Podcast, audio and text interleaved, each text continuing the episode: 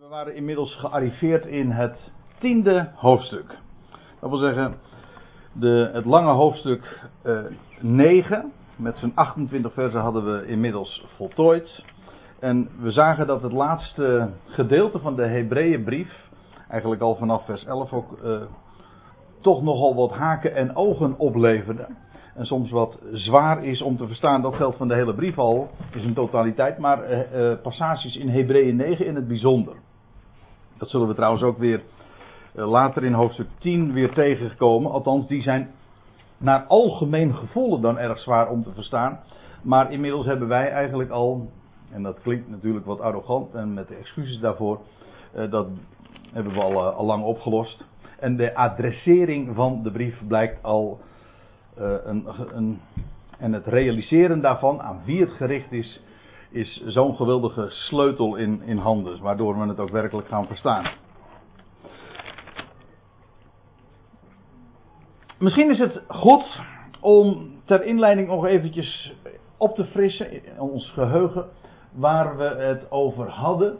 En dat wat we in de laatste hoofdstukken hebben gezien. Hoofdstuk 5 tot en met 7 die plaatsen het Levitisch priesterschap, dat wil zeggen het priesterschap zoals dat in de stam van Levi en het hoge priesterlijk huis van Aaron functioneerde, plaatst het Levitisch priesterschap tegenover de priester naar de ordening van Melchizedek. En een van de karakteristieke dingen van deze hele brief is dat het voortdurend wanneer het nieuwe dingen gaat bespreken, altijd een citaat uit een prominent gedeelte uit het profetisch woord naar voren brengt als basis voor de uitleg. Dat wil zeggen, de Hebreeënbriefschrijver beweert niks aan zich. Hij beroept zich altijd op de Hebreeuwse Bijbel, de schriften die zij van oudsher al kenden. Dat doet hij hier ook weer, want dit was allemaal gebaseerd op ja, een passage in het boek Genesis, maar ook uh, het, uh, de Psalm 110 met name dan. Hoofdstuk 8 gaat in zijn totaliteit over het nieuwe verbond versus het oude verbond. Gebaseerd op een belangrijke profetie in uh, het boek Jeremia, Jeremia 31 om precies te zijn. Hoofdstuk 9, nou dat is dus het laatste hoofdstuk dat we tot dusver hebben bezien. Dat gaat over de tabernakel versus het hemelsheiligdom. Ik zeg versus, je zou natuurlijk ook kunnen zeggen dat het parallel ermee loopt. Dat wil zeggen, het een is een type van het ander. Maar het, het staat er ook tegenover. Want behalve dat er op de parallellen gewezen wordt in deze, in dit, uh, in deze gedeelten, in, in deze brief in het algemeen, wordt er juist en vooral ook gewezen op de contrasten. We zullen dat trouwens in het eerste vers van hoofdstuk 10 ook zien. En dan zullen we dan eh, in het algemeen in hoofdstuk 10 vooral eh, onze aandacht uh, richten, daar wordt onze aandacht op gericht in dit hoofdstuk, op het volmaakte, dat wil zeggen op het eenmalige offer. Het is eenmalig en daarom, uh, of het is volmaakt en daarom ook eenmalig. Het hoeft niet herhaald te worden. Dat is een, uh, een belangrijk thema in het tiende hoofdstuk. Dat zullen we vanzelf ook zien trouwens in mijn Bijbel. Staat er ook boven in de, Hebre in de NBG-vertaling het volmaakte offer. Tot en met vers 18 gaat het daarover. En of we daar helemaal zullen arriveren, dat weet ik niet, maar dat zien we vanzelf wel. Goed. Dat even om nog een, een zicht te hebben op wat we tot dusver hebben besproken. Dan krijgen we in vers 1 dat daar waarin we meteen in het eerste vers trouwens ook uh, of het in het eerste woord al zien dat het een nadere uiteenzetting is van het voorgaande betoog. Want daar de wet slechts, dat woord slechts staat er eigenlijk niet, ziet het, daar de wet een schaduw heeft van de toekomstige goederen. Dat woord goederen zijn we al in hoofdstuk 9 ook tegengekomen. Toen heb ik er al even over gezegd dat het in het meervoud, gewoon het, in het Grieks meervoud is van goed goeden. Of, maar dan niet in de zin van goede personen, maar goede dingen. Dus de, in de, de toekomende goede dingen. Daar heeft de wet een schaduw van. En dat is een belangrijk uh, gegeven.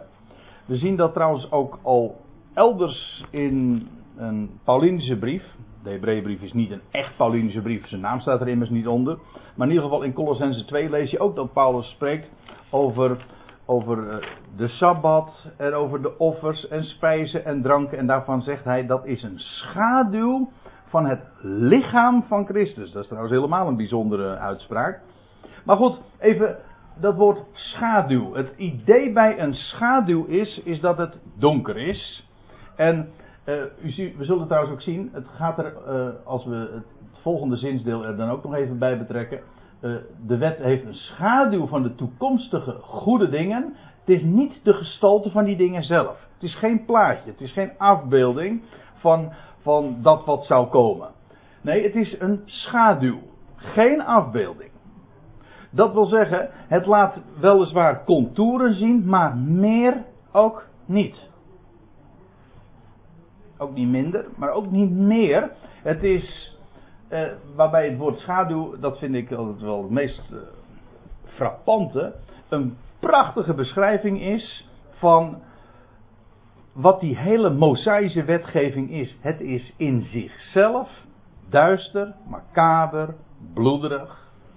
En heel veel mensen denken dat daarin de wil van God is vervat. Dat is dus niet zo. We zullen dat ook nog in het tiende hoofdstuk zien. Dat al die slachtoffers, overgaven, uh, weliswaar werden ze naar de wet gebracht, maar het was niet Gods wil. Slachtoffers en overgaven staat al in het boek de Psalmen. Hebt gij niet gewild? Ja, ze werden naar de wet gebracht. Maar dat was slechts omdat het vooruit zou wijzen. Het is een schaduw. Het demonstreert dus niet wat God wil. Het is in zichzelf duister. En uh, ik zei.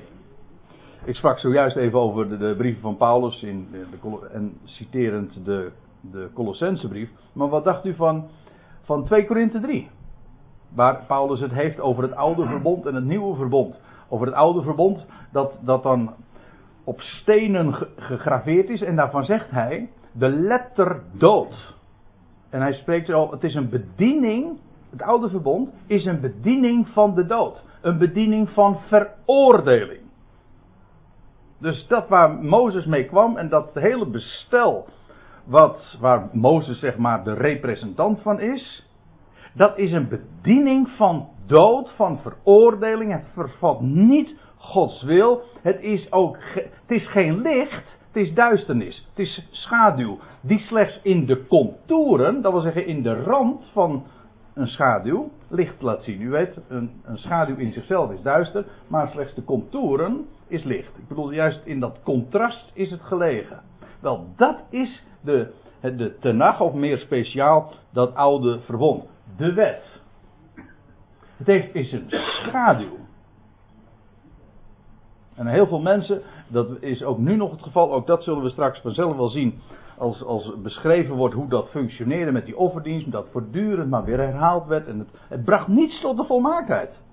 Het deed in zichzelf helemaal niks. Maar zoveel mensen leven nu nog steeds onder een, een christelijk, eh, ja, onder mom van christendom nog steeds in de schaduw, in de duisternis. In plaats van dat ze in het licht van Christus wandelen. Dat wil zeggen, in het schaduw heeft trouwens ook te maken met dood. Dat is nog een andere associatie. Die kennen we toch? Psalm 23. Al ga ik door een dal van schaduwen des doods. Zo schaduw spreekt van dood, zo spreekt licht van leven. Het licht des levens. Dat zijn allemaal van die voor de hand liggende associaties. Maar zijn, in dit geval is het ook zoveel zeggen. De wet heeft een schaduw van de toekomstige goede dingen. Dat wil zeggen, het spreekt ervan. Het verwijst ernaar. De contouren maken het zichtbaar. Maar het is schaduw. En het is niet de gestalte dier dingen zelf. Dat klinkt natuurlijk wat oud-Nederlands. Maar dat woord gestalte, dat is, uh, dat is in het Grieks icona. Dat is een, ons woord icoon. Een beeld, of eigenlijk een afbeelding. Het is een afbeelding van de zaken, namelijk van die toekomstige goede dingen. Het is dus, de wet heeft een schaduw van de toekomstige goede dingen. En als ik, begrijp me even goed, voordat ik daarin misverstaan word. We hebben het een vorige keer eh, al wel even aangestipt. Maar als er gesproken wordt over de, de, toekomende goede dingen. Dan gaat het niet over dingen die nu toekomstig zijn. Maar dan gaat het over de dingen die toekomstig waren in de dagen dat God de wet gaf. Dus over zaken die inmiddels zijn beslag hebben gekregen. In Christus is het werkelijkheid geworden. Natuurlijk, daarvan zou je kunnen zeggen dat moet ook nog ontvouwd worden in, in de heilshistorie. Dat is allemaal tot je dienst. Maar niettemin, het sprak van Christus en alles wat in hem aan het licht, in, aan, het licht trad. Ja. Maar het is een afbeelding van. Het is, het is dus geen afbeelding van die toekomstige goede dingen. Kijk, als kijk je naar het Oude Testament, kijk je naar al die offeranden, kijk je naar alle die, die wetgevingen, dan zie je daarin geen plaatje, geen afbeelding van de toekomstige goede dingen. Nee, het is schaduw. Dat is zoals hier erover gesproken wordt. En het vers gaat verder. Um, niet de gestalte van die dingen zelf. Zij is zij nimmer. Heb ik het hier helemaal goed gedaan? Ja, dat heb ik goed gedaan. Is zij nimmer in staat, niet bij machten, uh, ieder jaar met dezelfde offeranden, de onaf, die onafgebroken gebracht worden. Dat woordje wat hier trouwens staat, de onafgebroken, uh, waar hebben we het? Ja, hier. Dat zullen we in dit hoofdstuk, misschien vanavond zullen we het al een paar keer zien, eh, nog een, paar, eh, nog een aantal keren tegenkomen. En dan wordt het vertaald met voor altijd. Maar het is eigenlijk voortdurend, doorlopend. Maar dat blijkt ook hier wel. En de MBG-vertaling geeft het hier, niet erg concordant, maar weer met uh, onafgebroken. En dat, het idee is natuurlijk dat uh, er gewezen wordt op, op met name de offers eh, op grote verzondag. Niet alleen natuurlijk, want feitelijk werd er dagelijks geofferd. Daar in die tabernakel en later in de tempel. Maar omdat er hier gesproken wordt over ieder jaar, dan hebben we het dus over een jaarlijks terugkerend fenomeen. En dan denken we toch vooral aan, de, aan Yom Kippur, aan de verzondag. Wat ook logisch is, want daar hadden we het in het negende hoofdstuk ook over. Wanneer de hoge priester namelijk bij die ene gelegenheid in het binnenste heiligdom ging. Ook een belangrijk thema in deze brief. Goed, die wet die was niet in staat om, nimmer in staat om ieder jaar met diezelfde offeranden, dat wil zeggen die offeranden die vastgelegd eh, waren, een heel aantal typen offeranden, en die werden onafgebroken gebracht, degene die toetreden te volmaken. Of te perfectioneren, eh, tot volheid te brengen, tot volkomenheid te brengen. Dat woord uh, wat hier gebruikt wordt, dat heeft nogal wat toepassingen. Het, hele idee is tot een eind. letterlijk, dat zit het woordje telos in, dat betekent eigenlijk voleindigen. En dat afhankelijk van de context kan dat diverse toepassingen hebben. Bijvoorbeeld, volwassenheid is ook een, vol, is ook een voleindiging. Dat is nogal logisch. Dan is de dan is de groei tot volheid gekomen. Volwassen, volgroeid. Dan ben je dus volmaakt. Niet in de zin van perfect of zo, dat, dat, heeft, weer een, een, dat heeft weer andere associatie. Maar in ieder geval uh, tot volheid te brengen. Tot compleetheid te brengen, zodanig dat het dan af is. Iemand die volwassen is, die is volgroeid. Die, de groei is dus, uh, heeft een, is gecompleteerd en dat is voorbij dus. Dat is wat het betekent. Nou, dat hier bij het woord volmaken ook. Dat deed de wet niet. Wat simpelweg gedemonstreerd wordt in het feit dat het voortdurend weer herhaald moest worden. Dus het bracht niks tot volheid. Die herhaling bewijst dus exact wat, wat de schrijver hier naar voren brengt. Degene die toetreden, en dat gaat hier dan vooral over de priesters, dat blijkt uit het navolgende ook. Maar eventueel zou je ook de, de offeraars in het algemeen, degene die een offer brachten, daaronder kunnen verstaan. Degene die toetraden, degene die naderden. Wel, ze was niet te, te staat, in staat bij machten te, uh, tot volheid te brengen. Het ging maar door, alsmaar door. En we zullen zien in vers 14 hoe dit volkomen in contrast staat, dus. En waarmee Paulus dus een punt ook maakt dat het inderdaad een schaduw is. Dit staat in contrast als licht en duisternis met het offer van Christus dat inderdaad volmaakt is en daarom ook eenmalig. Hoofdstuk 10 vers 14 zullen we het zien, dus ik laat het nu even nog uh, rusten. We komen daar vanzelf op. We volgen gewoon het betoog zoals het hier wordt opgetekend. Immers, nou gaat de schrijver zijn punt uh, nog wat toelichten. Immers zou anders het offeren daarvan niet opgehouden zijn. Ja, als een offer volmaakt zou zijn, als dat echt tot volheid zou brengen, nou dan was het gewoon voorbij. Eens voor altijd. Zou het offeren daarvan anders niet opgehouden zijn, doordat degene die de dienst verrichten, u ziet het, de dienst verrichten, dan gaat het dus inderdaad over de priesters, degene die daar officieel een dienst uitoefenden, na eenmaal gereinigd te zijn, geenerlei besef van zonde meer hadden.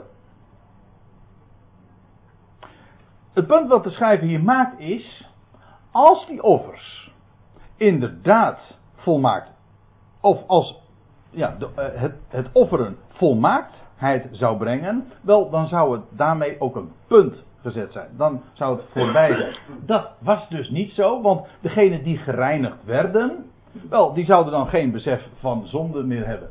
Dat woord uh, besef, ik heb er al een keer eerder even op gewezen, maar ja, volgens mij de vorige keer, toen kwamen we het in hoofdstuk 9, vers 14 tegen. Ja. Uh, dat woord is in het Grieks letterlijk, als je het ontleedt in zijn elementen, medeweten. Dat is een wat een interessant woord, want dat is, komt exact overeen met ook de, het Latijnse woord, conscientia. Of wat we nog allemaal kennen in het Engels, conscience. Of in het Oud-Nederlands, conscientie. Eigenlijk onze, het woord conscientie, dat is in onbruik geraakt in het Nederlands, maar drukt exact uit wat het Grieks woord ook wil, zeggen. Mede weten. Co, mede en scientie heeft met science te maken, weten. Iets wat je weet, niet op zichzelf, maar weet mede met. Ja, en dat, de gedachte daarbij is, je weet het mee met God. God weet dingen en hij heeft ook wetenschap van hem in een mens gelegd. Dat hoeft niet alleen maar, dat wordt meestal beperkt tot schuldbesef en besef van goed en kwaad. En dat is daarom ook een beetje het nadeel van het woordje geweten. Dan denken we alleen maar, eh, je, je geweten gaat spreken op het moment dat je iets fouts hebt gedaan. Dat is een, een heel smal en versmalt begrip van conscientie. Want het heeft alles te maken met dat wat een mens weet uh, men sprak dan in de reformatorische kerk over, ergens in de formulieren wordt er geloof ik gesproken over ingeschapen godskennis. Hou me te goede, maar ik ken in ieder geval die term, ik kan me nog herinneren van, van de, wat zal het zijn? Van de categorisatie. Ja, ingeschapen, ingeschapen godskennis. Het is in elk geval wetenschap dat je weet met God conscientie. En hier wordt het vertaald met, uh, met besef. In hoofdstuk 9, vers 14 met bewustzijn. En in hoofdstuk 13, vers 5 van de Romeinenbrief met geweten. Meestal wordt het vertaald met geweten. Ja, waarom? Nou, u ziet het, het woord is dus breder dan alleen geweten. Vandaar ook dat de vertalers er zo mee, mee, uh, mee worstelen. Want soms kan dat eigenlijk niet echt geweten, met geweten vertaald worden. Ik zou er dus voor willen pleiten bij deze om het woordje conscientie weer in ere te herstellen. Hm? Gewoon, we, halen een oud woord van stal, omdat dat namelijk zo mooi uit, uitdrukt. Of we gaan gewoon spreken over medeweten. Dus even wennen en. Uh... Ja, dus maar dan, dan, moeten we trouwens toch nog eventjes bij, bij stilstaan. Want dat hoofdstuk 9 vers 14 wat ik zojuist al even aanhaalde. En waar we de vorige keer over hadden. Daar staat dit. Hoeveel te meer zal het bloed van Christus, dat wil zeggen het, bloed van Christus gaat over het feit dat hij zich geofferd heeft, hij is geslacht, maar dat niet alleen, want let op, het bloed van Christus spreekt niet alleen van zijn slachting, maar het spreekt van zijn offeranden. En ik geef toe, ik ben nu niet origineel, want ik herhaal mezelf, maar dit kan ik niet genoeg herhalen. Het offer van Christus is niet zijn dood, maar is zijn opstanding. Hij werd geslacht, vervolgens steeg hij op, daarna namelijk, en steeg hij op, goden tot een liefelijke reuk. Dat was een liefelijke reuk voor God. Niet zijn slachting, niet het kruis was liefelijk voor God. Daar moest hij zelfs zijn ogen van afwenden. Zijn opstanding, dat toen hij opsteeg tot God, dat is de liefelijke reuk. Dat is ook het echte slachtoffer. Een prachtige chronologische uh, beschrijving feitelijk van in één zo'n woord. Slacht, offer. Eerst een slacht, daarna geofferd. Wel, hoeveel te meer zal het bloed van Christus, die door de eeuwige geest, de Ionische geest, geest heeft te maken met leven, zichzelf als een smetteloos offer aan God gebracht heeft, ons bewustzijn, onze conscientie, reinigen van dode werken. Dode werken zijn al die werken die God had voorgeschreven onder het oude verbond. Rituelen. Ja, maar het was dood. Niet boos. Het waren geen boze werken, nee dode werken. Het miste leven. Maar het sprak wel van leven. Het is een schaduw immers. Maar goed, uh, dat bloed van Christus, dat, dat reinigt ons bewustzijn van doodwerken. En vervolgens om de levende God te dienen. Dat offer dat brengt leven aan het licht. Het, het wijst op een, een levende God. Het spreekt allemaal van leven. Zo bloederig en macaber als de eredienst ook mogen zijn van het oude verbond, schaduw, het spreekt van leven en van licht. Zoals schaduw er ook alleen maar bestaat bij de gratie van licht. En wat is daarbij eh, het, het, fundamentele punt? Dat degene die gereinigd is door dat offer, die is volmaakt. Eens voor altijd. Ik weet dat ik nu dingen zeg die in de oren van, van veruit het meerderheid van, van christenen volstrekt ondenkbare ideeën zijn. Maar het is precies niet alleen wat hier staat. We zouden echt in de echte Paulinische geschriften een keer moeten duiken. En waar staat dat we gerechtvaardigd zijn. Hoe, eh, ik weet dat het is bijvoorbeeld algemeen gebruikt dan om te prediken. Van dat wij eh, ja, het offer van Christus spreekt men dan over. En dan doelt men op het kruis van Golgotha. Wat al een, een, een, een, fout is. Maar goed. Men zegt dan van dat kruis van Christus. Daar komt, als, als een mens gezondigd heeft. Dan ga je weer naar dat kruis. En dan word je vergeven. En als je dan weer gezondigd dan word je weer vergeven. De voortdurend word, ga je weer naar dat, naar dat kruis. En feitelijk breng je op, telkens weer opnieuw, net als in de dagen van het oude verbond, een offer. Het wordt namelijk nooit tot volmaaktheid gebracht. Maar wat, wat hier gezegd wordt, is dat wij door het offer van Christus eens voor altijd, oké, het gaat hier specifiek over de Hebreeën, maar eens voor altijd zijn we volmaakt. En nogmaals, eh, we komen daar nog eh, op aan over te spreken. Maar het staat letterlijk zo ook in hoofdstuk 10, vers 14. Eens voor altijd. We zijn volmaakt. En dat betekent dus dat we geen bewustzijn van zonde meer hebben. Zo rekenen we onszelf. En Paulus zegt in Romeinen 6, vers 10, wat dacht u daarvan? Zo moet het ook voor u vaststaan, of nee, eigenlijk staat er, rekent dat gij dood zijt voor de zonde en levend voor God in Christus. Ja, dat zal maar makkelijk zijn. Want dan kun je maar zondigen. Het hele idee dat men zo reageert, geeft dat men nog steeds een bewustzijn van zonde heeft. Men denkt in termen altijd van zonde.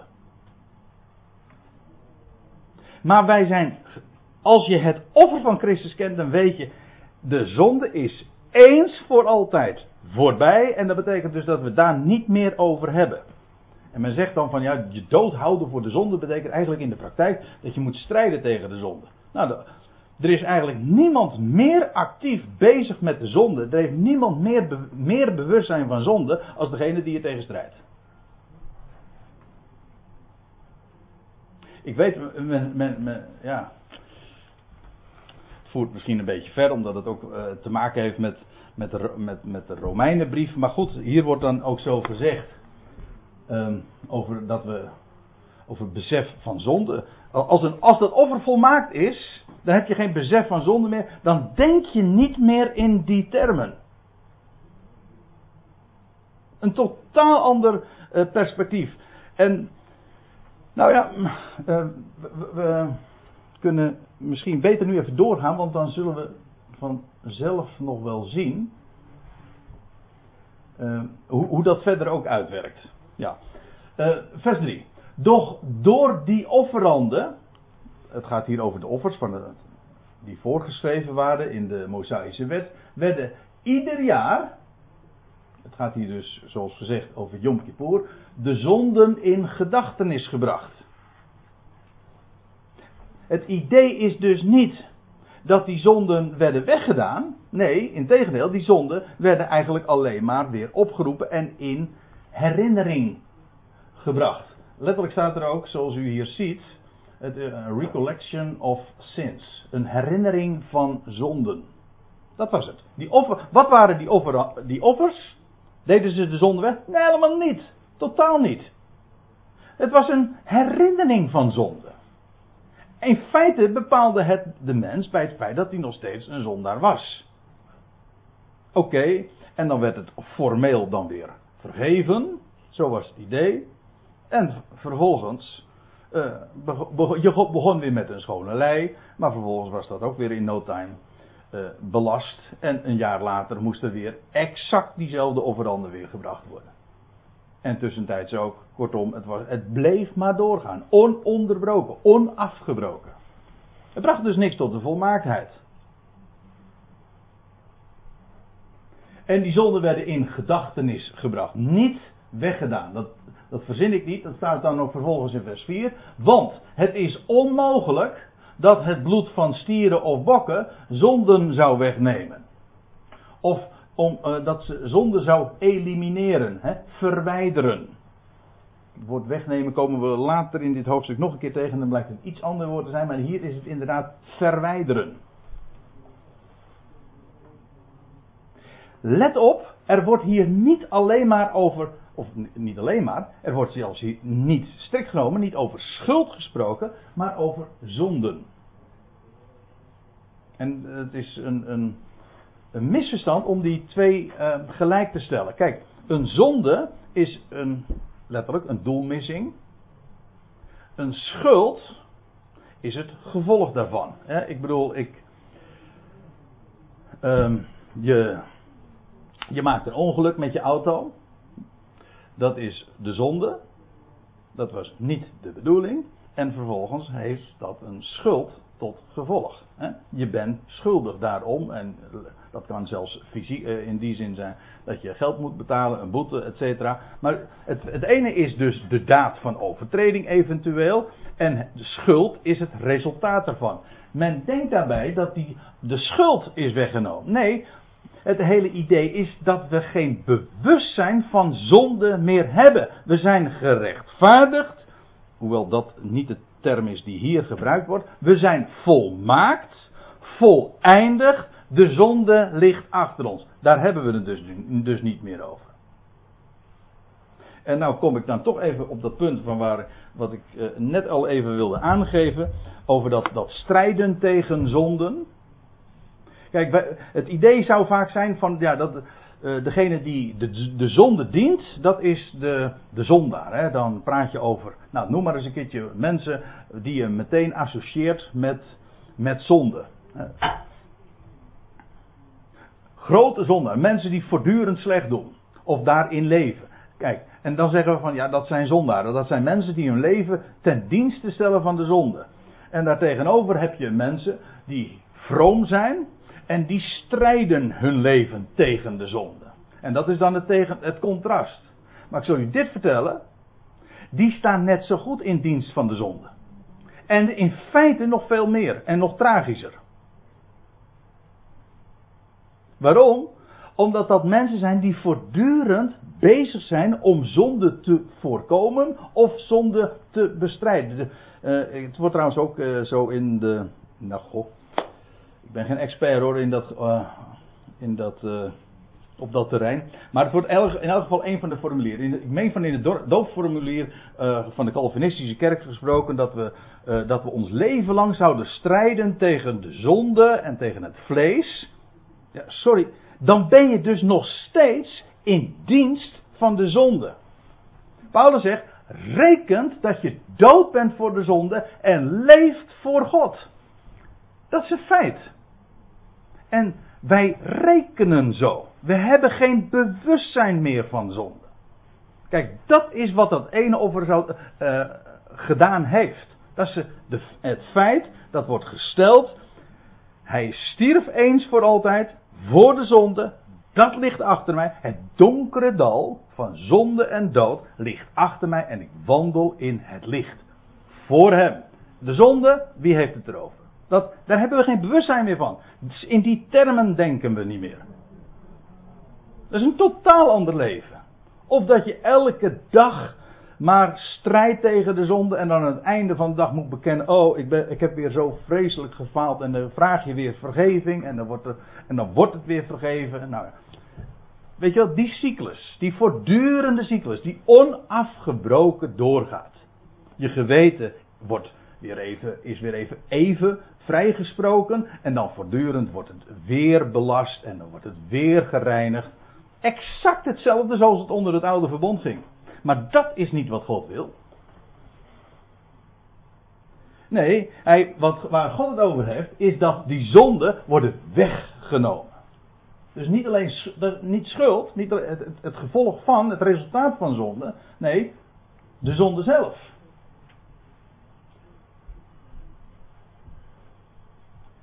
Goed.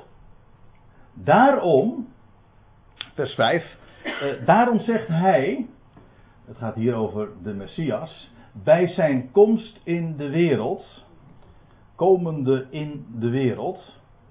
En uh, nu volgt weer een citaat. Ik zei al, iedere keer als de schrijver een belangrijk punt wil aansnijden, of gaat aansnijden, dan doet hij dat aan de hand van een passage in de Tenach in dit geval Psalm 40, dat onomstreden, ook binnen het Jodendom, is uh, duidelijk dat dit een messiaanse psalm is. Het is een psalm van David. En als u uh, daar meer over wil weten, dan kan ik u aanbevelen om aankomende zondag naar Zoetermeer toe te gaan, want dan gaan we het dus hebben over die 40ste psalm. Ik wil, ja, bij de voorbereiding van deze studie dacht ik, god, daar is zo enorm veel over te vertellen. Dat kan ik onmogelijk uh, in, uh, bij deze gelegenheid doen. Dus dat uh, gaan we, we, dat wil ik aankomende zondag dan doen in Soetermeer. Over de, de 40ste psalm. Een schitterende psalm. Ik heb niet eerder me gerealiseerd dat dat zo boordevol aan waarheden zijn die te maken hebben met de Messias. En alles wat in hem gerealiseerd is. Maar goed, eh, de schrijver gaat die psalm dan aanhalen. Daarom zegt hij, en dan dat is de inleiding van het citaat: Slachtoffer en offergave hebt gij niet gewild. En, uh, nou ja, ik zou zeggen, uh, haal het er eventjes bij. Het is misschien handig om dat op te zoeken, dan zie je het ook voor je. Die 40ste psalm.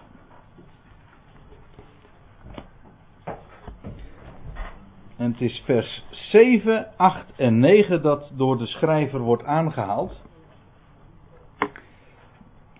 En wat ik uh, trouwens, maar dat is even terzijde, zondag ook wil doen, is uh, de, de, psalm in zijn totaliteit bespreken, zodat je echt een overzicht hebt. En dan wil ik u ook laten zien dat niet alleen maar vers 7 tot en met 9 spreekt van en profiteert over de Messias, maar dat ook het omliggende, het voorafgaande en navolgende net zo goed daarvan spreekt.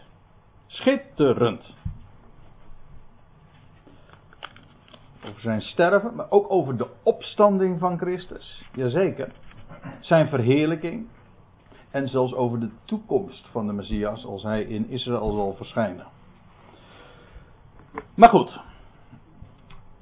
Het gaat, hier gaat het specifiek over uh, dat uh, gedeelte in vers 7 tot en met 9 van Psalm 40. Daar staat dus slachtoffer en offergave. Dat wordt even voor de goede orde. Dat wordt dus door de schrijver in Hebreeën 10 geciteerd. Uit Psalm 40. Maar ik moet erbij zeggen. Hij citeert dat niet uit de Hebreeuwse Bijbel. Hij citeert dat uit de Griekse vertaling. Namelijk de, de zogenoemde Septuagint. Soms een klein verschil. Ik zal dat straks trouwens ook nog laten zien. Slachtoffer en offergave. Dat staat hier in het Hebreeuws trouwens spijsoffer. En als u inderdaad. Um, ja, in de Hebreeuwse. Of in Psalm 40 dat beziet. Dan ziet u ook inderdaad. Dan wordt er gesproken over slachtoffer en spijsoffer. Daar gaat het over.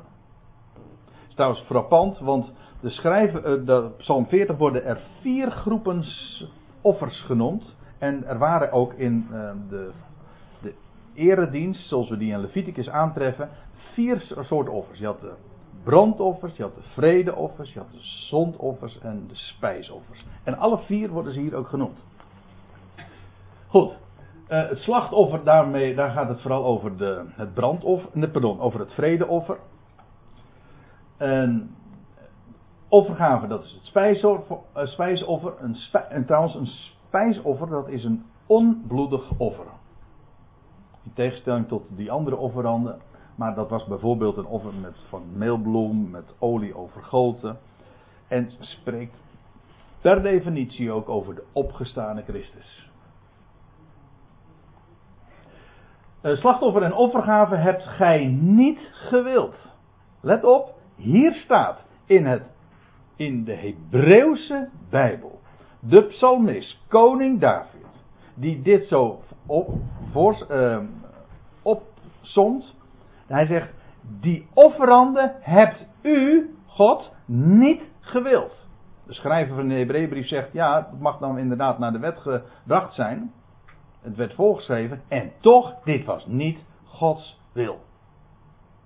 Dit was niet waar het om ging, waar het, waar het hem om te doen was.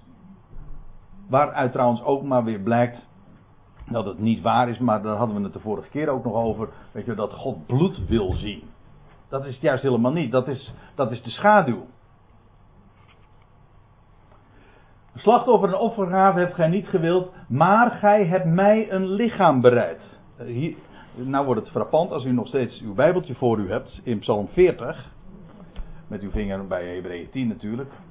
Maar in de Hebreeuwse Bijbel, en dat zie je dus in de, in de vertaling ook van Psalm 40, daar staat er: Gij hebt mij de oren geopend, gij hebt mij oren gegraven. Heel eigenaardige uitdrukking. En in de Septuagint wordt dat weergegeven met: Gij hebt mij een lichaam bereid. In de praktijk blijkt het verschil toch niet al te groot te zijn, hoewel het uh, nogal uh, afwijkend uh, geformuleerd is. Maar kijk, wat hier, dit is een psalm van David. Hij spreekt echter over de zoon van David, de zoon van David, de Messias, die uitspreekt: Slachtoffer en offergave hebt gij niet gewild, maar gij hebt mijn oren geopend. Eh, dat is trouwens per definitie het geval. God is het die ogen opent, God is het die harten opent, God is het die de oren ook opent. En als je dingen mag verstaan, dan is dat een genade van hem. Wel, hier zegt de Messias, u, hij, spreekt God aan, al die offeranden die naar de wet gebracht werden, het is niet wat u wil, maar gij hebt mijn oren geopend, gij hebt mij, en daarmee mijn lichaam toebereid tot dat wat het moet doen namelijk. Maar gij hebt mijn lichaam bereid, oftewel, of meer specifiek, mijn oren geopend. En wat staat er dan? En dan vervolgens in het uh, parallele vers. Uh, in brandoffers en zondoffers. We zagen eerst de slachtoffers, spijsoffers, brandoffers, zondoffers. Nou, over, over die specifieke verschillen en wat het allemaal uitbeeldt, daar zullen we het nu verder niet over hebben. Maar het is wel opmerkelijk dat hier vier, alle vier die groepen offeranden worden opgezond. Maar dat is niet wat God gewild had. Uh, wat God wilde, want er staat er. Die, daarin hebt gij geen behagen gehad. U ziet, het staat eigenlijk in de aorist. Het is gewoon een feit. Het is maar niet zo van, nou in het verleden had u daarin geen behagen. Nee, gij hebt daarin geen behagen. Als een feit wordt dat gesteld, zonder horizon. Toen zeide ik, nog steeds is, citeert de schrijver hier uit in Hebreeën 10, Psalm 40 dus. Toen zeide ik, zie, hier ben ik. In de boekrol staat van mij geschreven. In de boekrol, in de, letterlijk staat het trouwens, u ziet het, het is eigenlijk uh, zo uh, wegvertaald in de, in het Nederlands. Maar er staat eigenlijk letterlijk in het hoofdje van de boekrol. Ja, de, een, een, het hoofdje, dat is een, trouwens zo, zo spreken wij ook nog over, als het gaat over tekst, over de kop van een tekst. Dat, en vandaar ook heeft het dan in afgeleide zin ook weer de betekenis van een, een samenvatting. Ik meen dat het in, uh, in, de, in Romeinen 13 ook gesproken wordt over de, het hoofd, de, uh, de hoofdsom der wet. De hoofdsom der wet, ja, dat is dan de samenvatting. Het kopje, dat wil zeggen waar het allemaal onder valt. Dus in de samenvatting van de wet, in de, in de titel of in het kopje of in, de ops, in het opschrift, gewoon dat wat er allemaal onder valt in de boekrol staat van mij geschreven. Maar uh, voordat we ons in, zulke details als dat woordje kopje en hoofd, uh, hoofdje zouden verliezen, denk ik dat we er heel goed aan doen om ons te realiseren dat hier gesproken wordt over de Messias zelf. Die zich die zich herkend heeft in de schrift. Ik vind dit een, een geweldige passage. Die laat zien hoe Jezus als mens hier op aarde zich herkend heeft in de schriften, in de Hebreeuwse Bijbel, in de Tenach. En hij wist, over mij staat geschreven. In de boekrol staat van mij geschreven. Hij heeft zich herkend. Hij heeft van. Het enige wat wij van, van Jezus weten. Ik bedoel, het groot. Men zegt wel eens een keertje de Evangelie. Dat zijn soort biografieën van Jezus' leven. Nou, dat kun je wel vergeten. Dat is helemaal niet zo. Verreweg het grootste gedeelte van Jezus' leven. wordt er helemaal niet eens in beschreven. We vinden zijn geboorte. In drie, drie Evangeliën.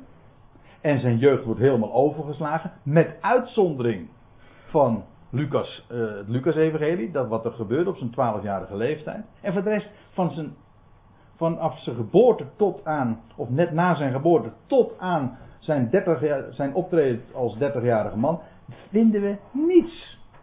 Het enige wat we weten, en dat is wel een uh, opmerkelijk uh, punt natuurlijk als dat zo beschreven wordt in Lucas, dat hij als 12-jarige jongen zegt tegen zijn, tegen zijn ouders, uh, wist gij niet dat ik bezig moest zijn met de dingen, in de dingen van mijn vader?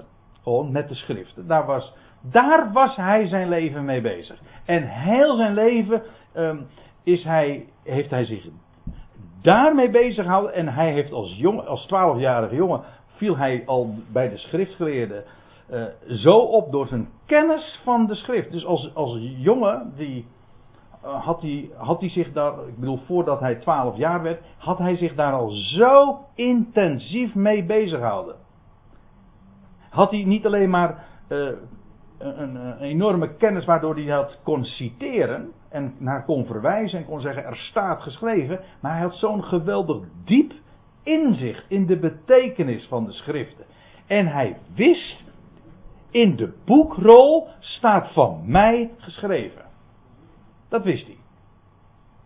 En hij wist, die offers die gebracht werden in de tempel in zijn dagen en vroeger dagen in de tabernakel, dat is niet wat God wil.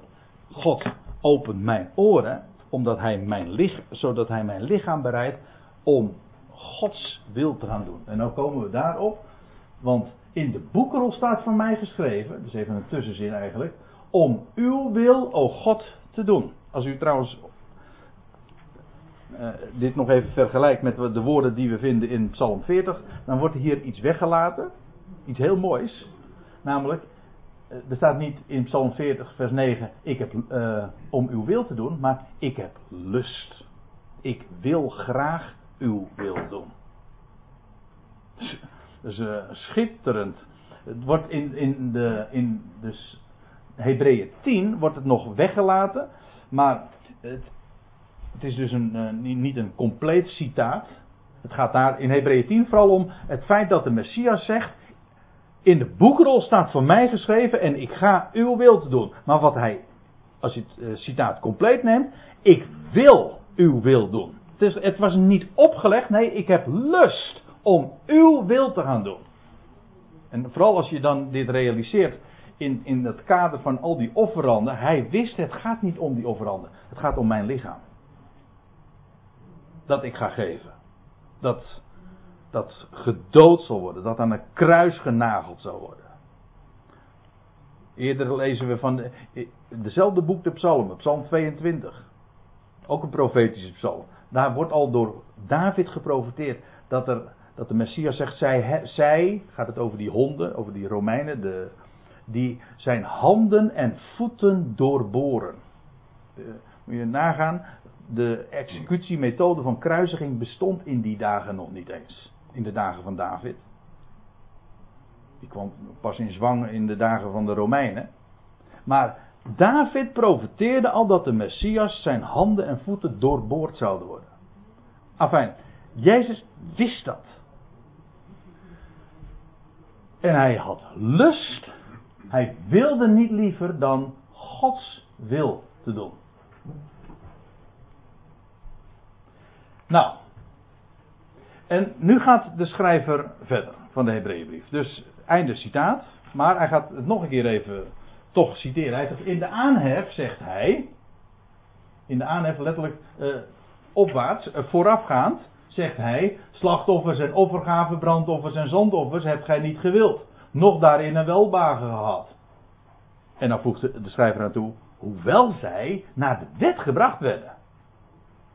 Dat klinkt wat, wat dubbel, want aan de, aan de ene kant wordt er gezegd, het is niet, God heeft dat niet gewild en hij heeft er geen welbagen in gehad. Maar er staat erbij, het werd niettemin naar de wet gebracht. Waarmee dus gezegd is, dat wat in de wet voorgeschreven wordt, is niet de belichaming van Gods welbehagen en van dat wat God wil.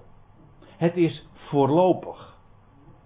Het zou opgeheven moeten worden. Ik zeg, ik gebruik nu woorden die, die ik ga straks, die ik ga straks, uh, die ik straks ga toelichten. Maar die wet is voorlopig, het is een, en nou zeg ik weer een woord wat de schrijver al had gebruikt, het is een schaduw. Het is geen afbeelding van die toekomende goede dingen. Echt niet. Maar, zegt hij dan, daarna heeft hij gezegd. Dus eerst vaststellen, die slachtoffers, offergaven, zondoffers en brandoffers hebt u niet gewild, u hebt er geen behagen in gehad. En om dan vervolgens daarna te zeggen, zie, hier ben ik Heer, om uw wil te doen. Hier in de boekrol staat voor mij geschreven. En de, het is de Messias die zich aanbiedt aan God. Dat heb u niet gewild, maar hier, hier ben ik. Om uw wil te doen, en dan staat er achter, hij heft het eerste op. Dat woordje dat is op, opheffen, dat is trouwens heel letterlijk, want het is letterlijk inderdaad op naar boven tillen. Ons woordje opheffen geeft dat ook mooi aan. Maar in de, als je een concordantie pakt en je kijkt naar hoe dit woord in het Nieuwe Testament gebruikt wordt, dan wordt het heel uh, vaak weergegeven met iemand doden, bijvoorbeeld. Of uh, het wordt ook weergegeven met uit de weg ruimen. Meestal zelfs heeft het die betekenis van uit de weg ruimen. Dus letterlijk is het opheffen, maar in de zin dus van uh, opruimen. Weg, uit de weg ruimen. Hij heft het eerste op. Dat is een, een heel fundamenteel principe in de Bijbel in het algemeen. Het eerste is altijd een tijdelijk fenomeen. Het gaat om het tweede. Het eerste dient slechts om het tweede te laten komen.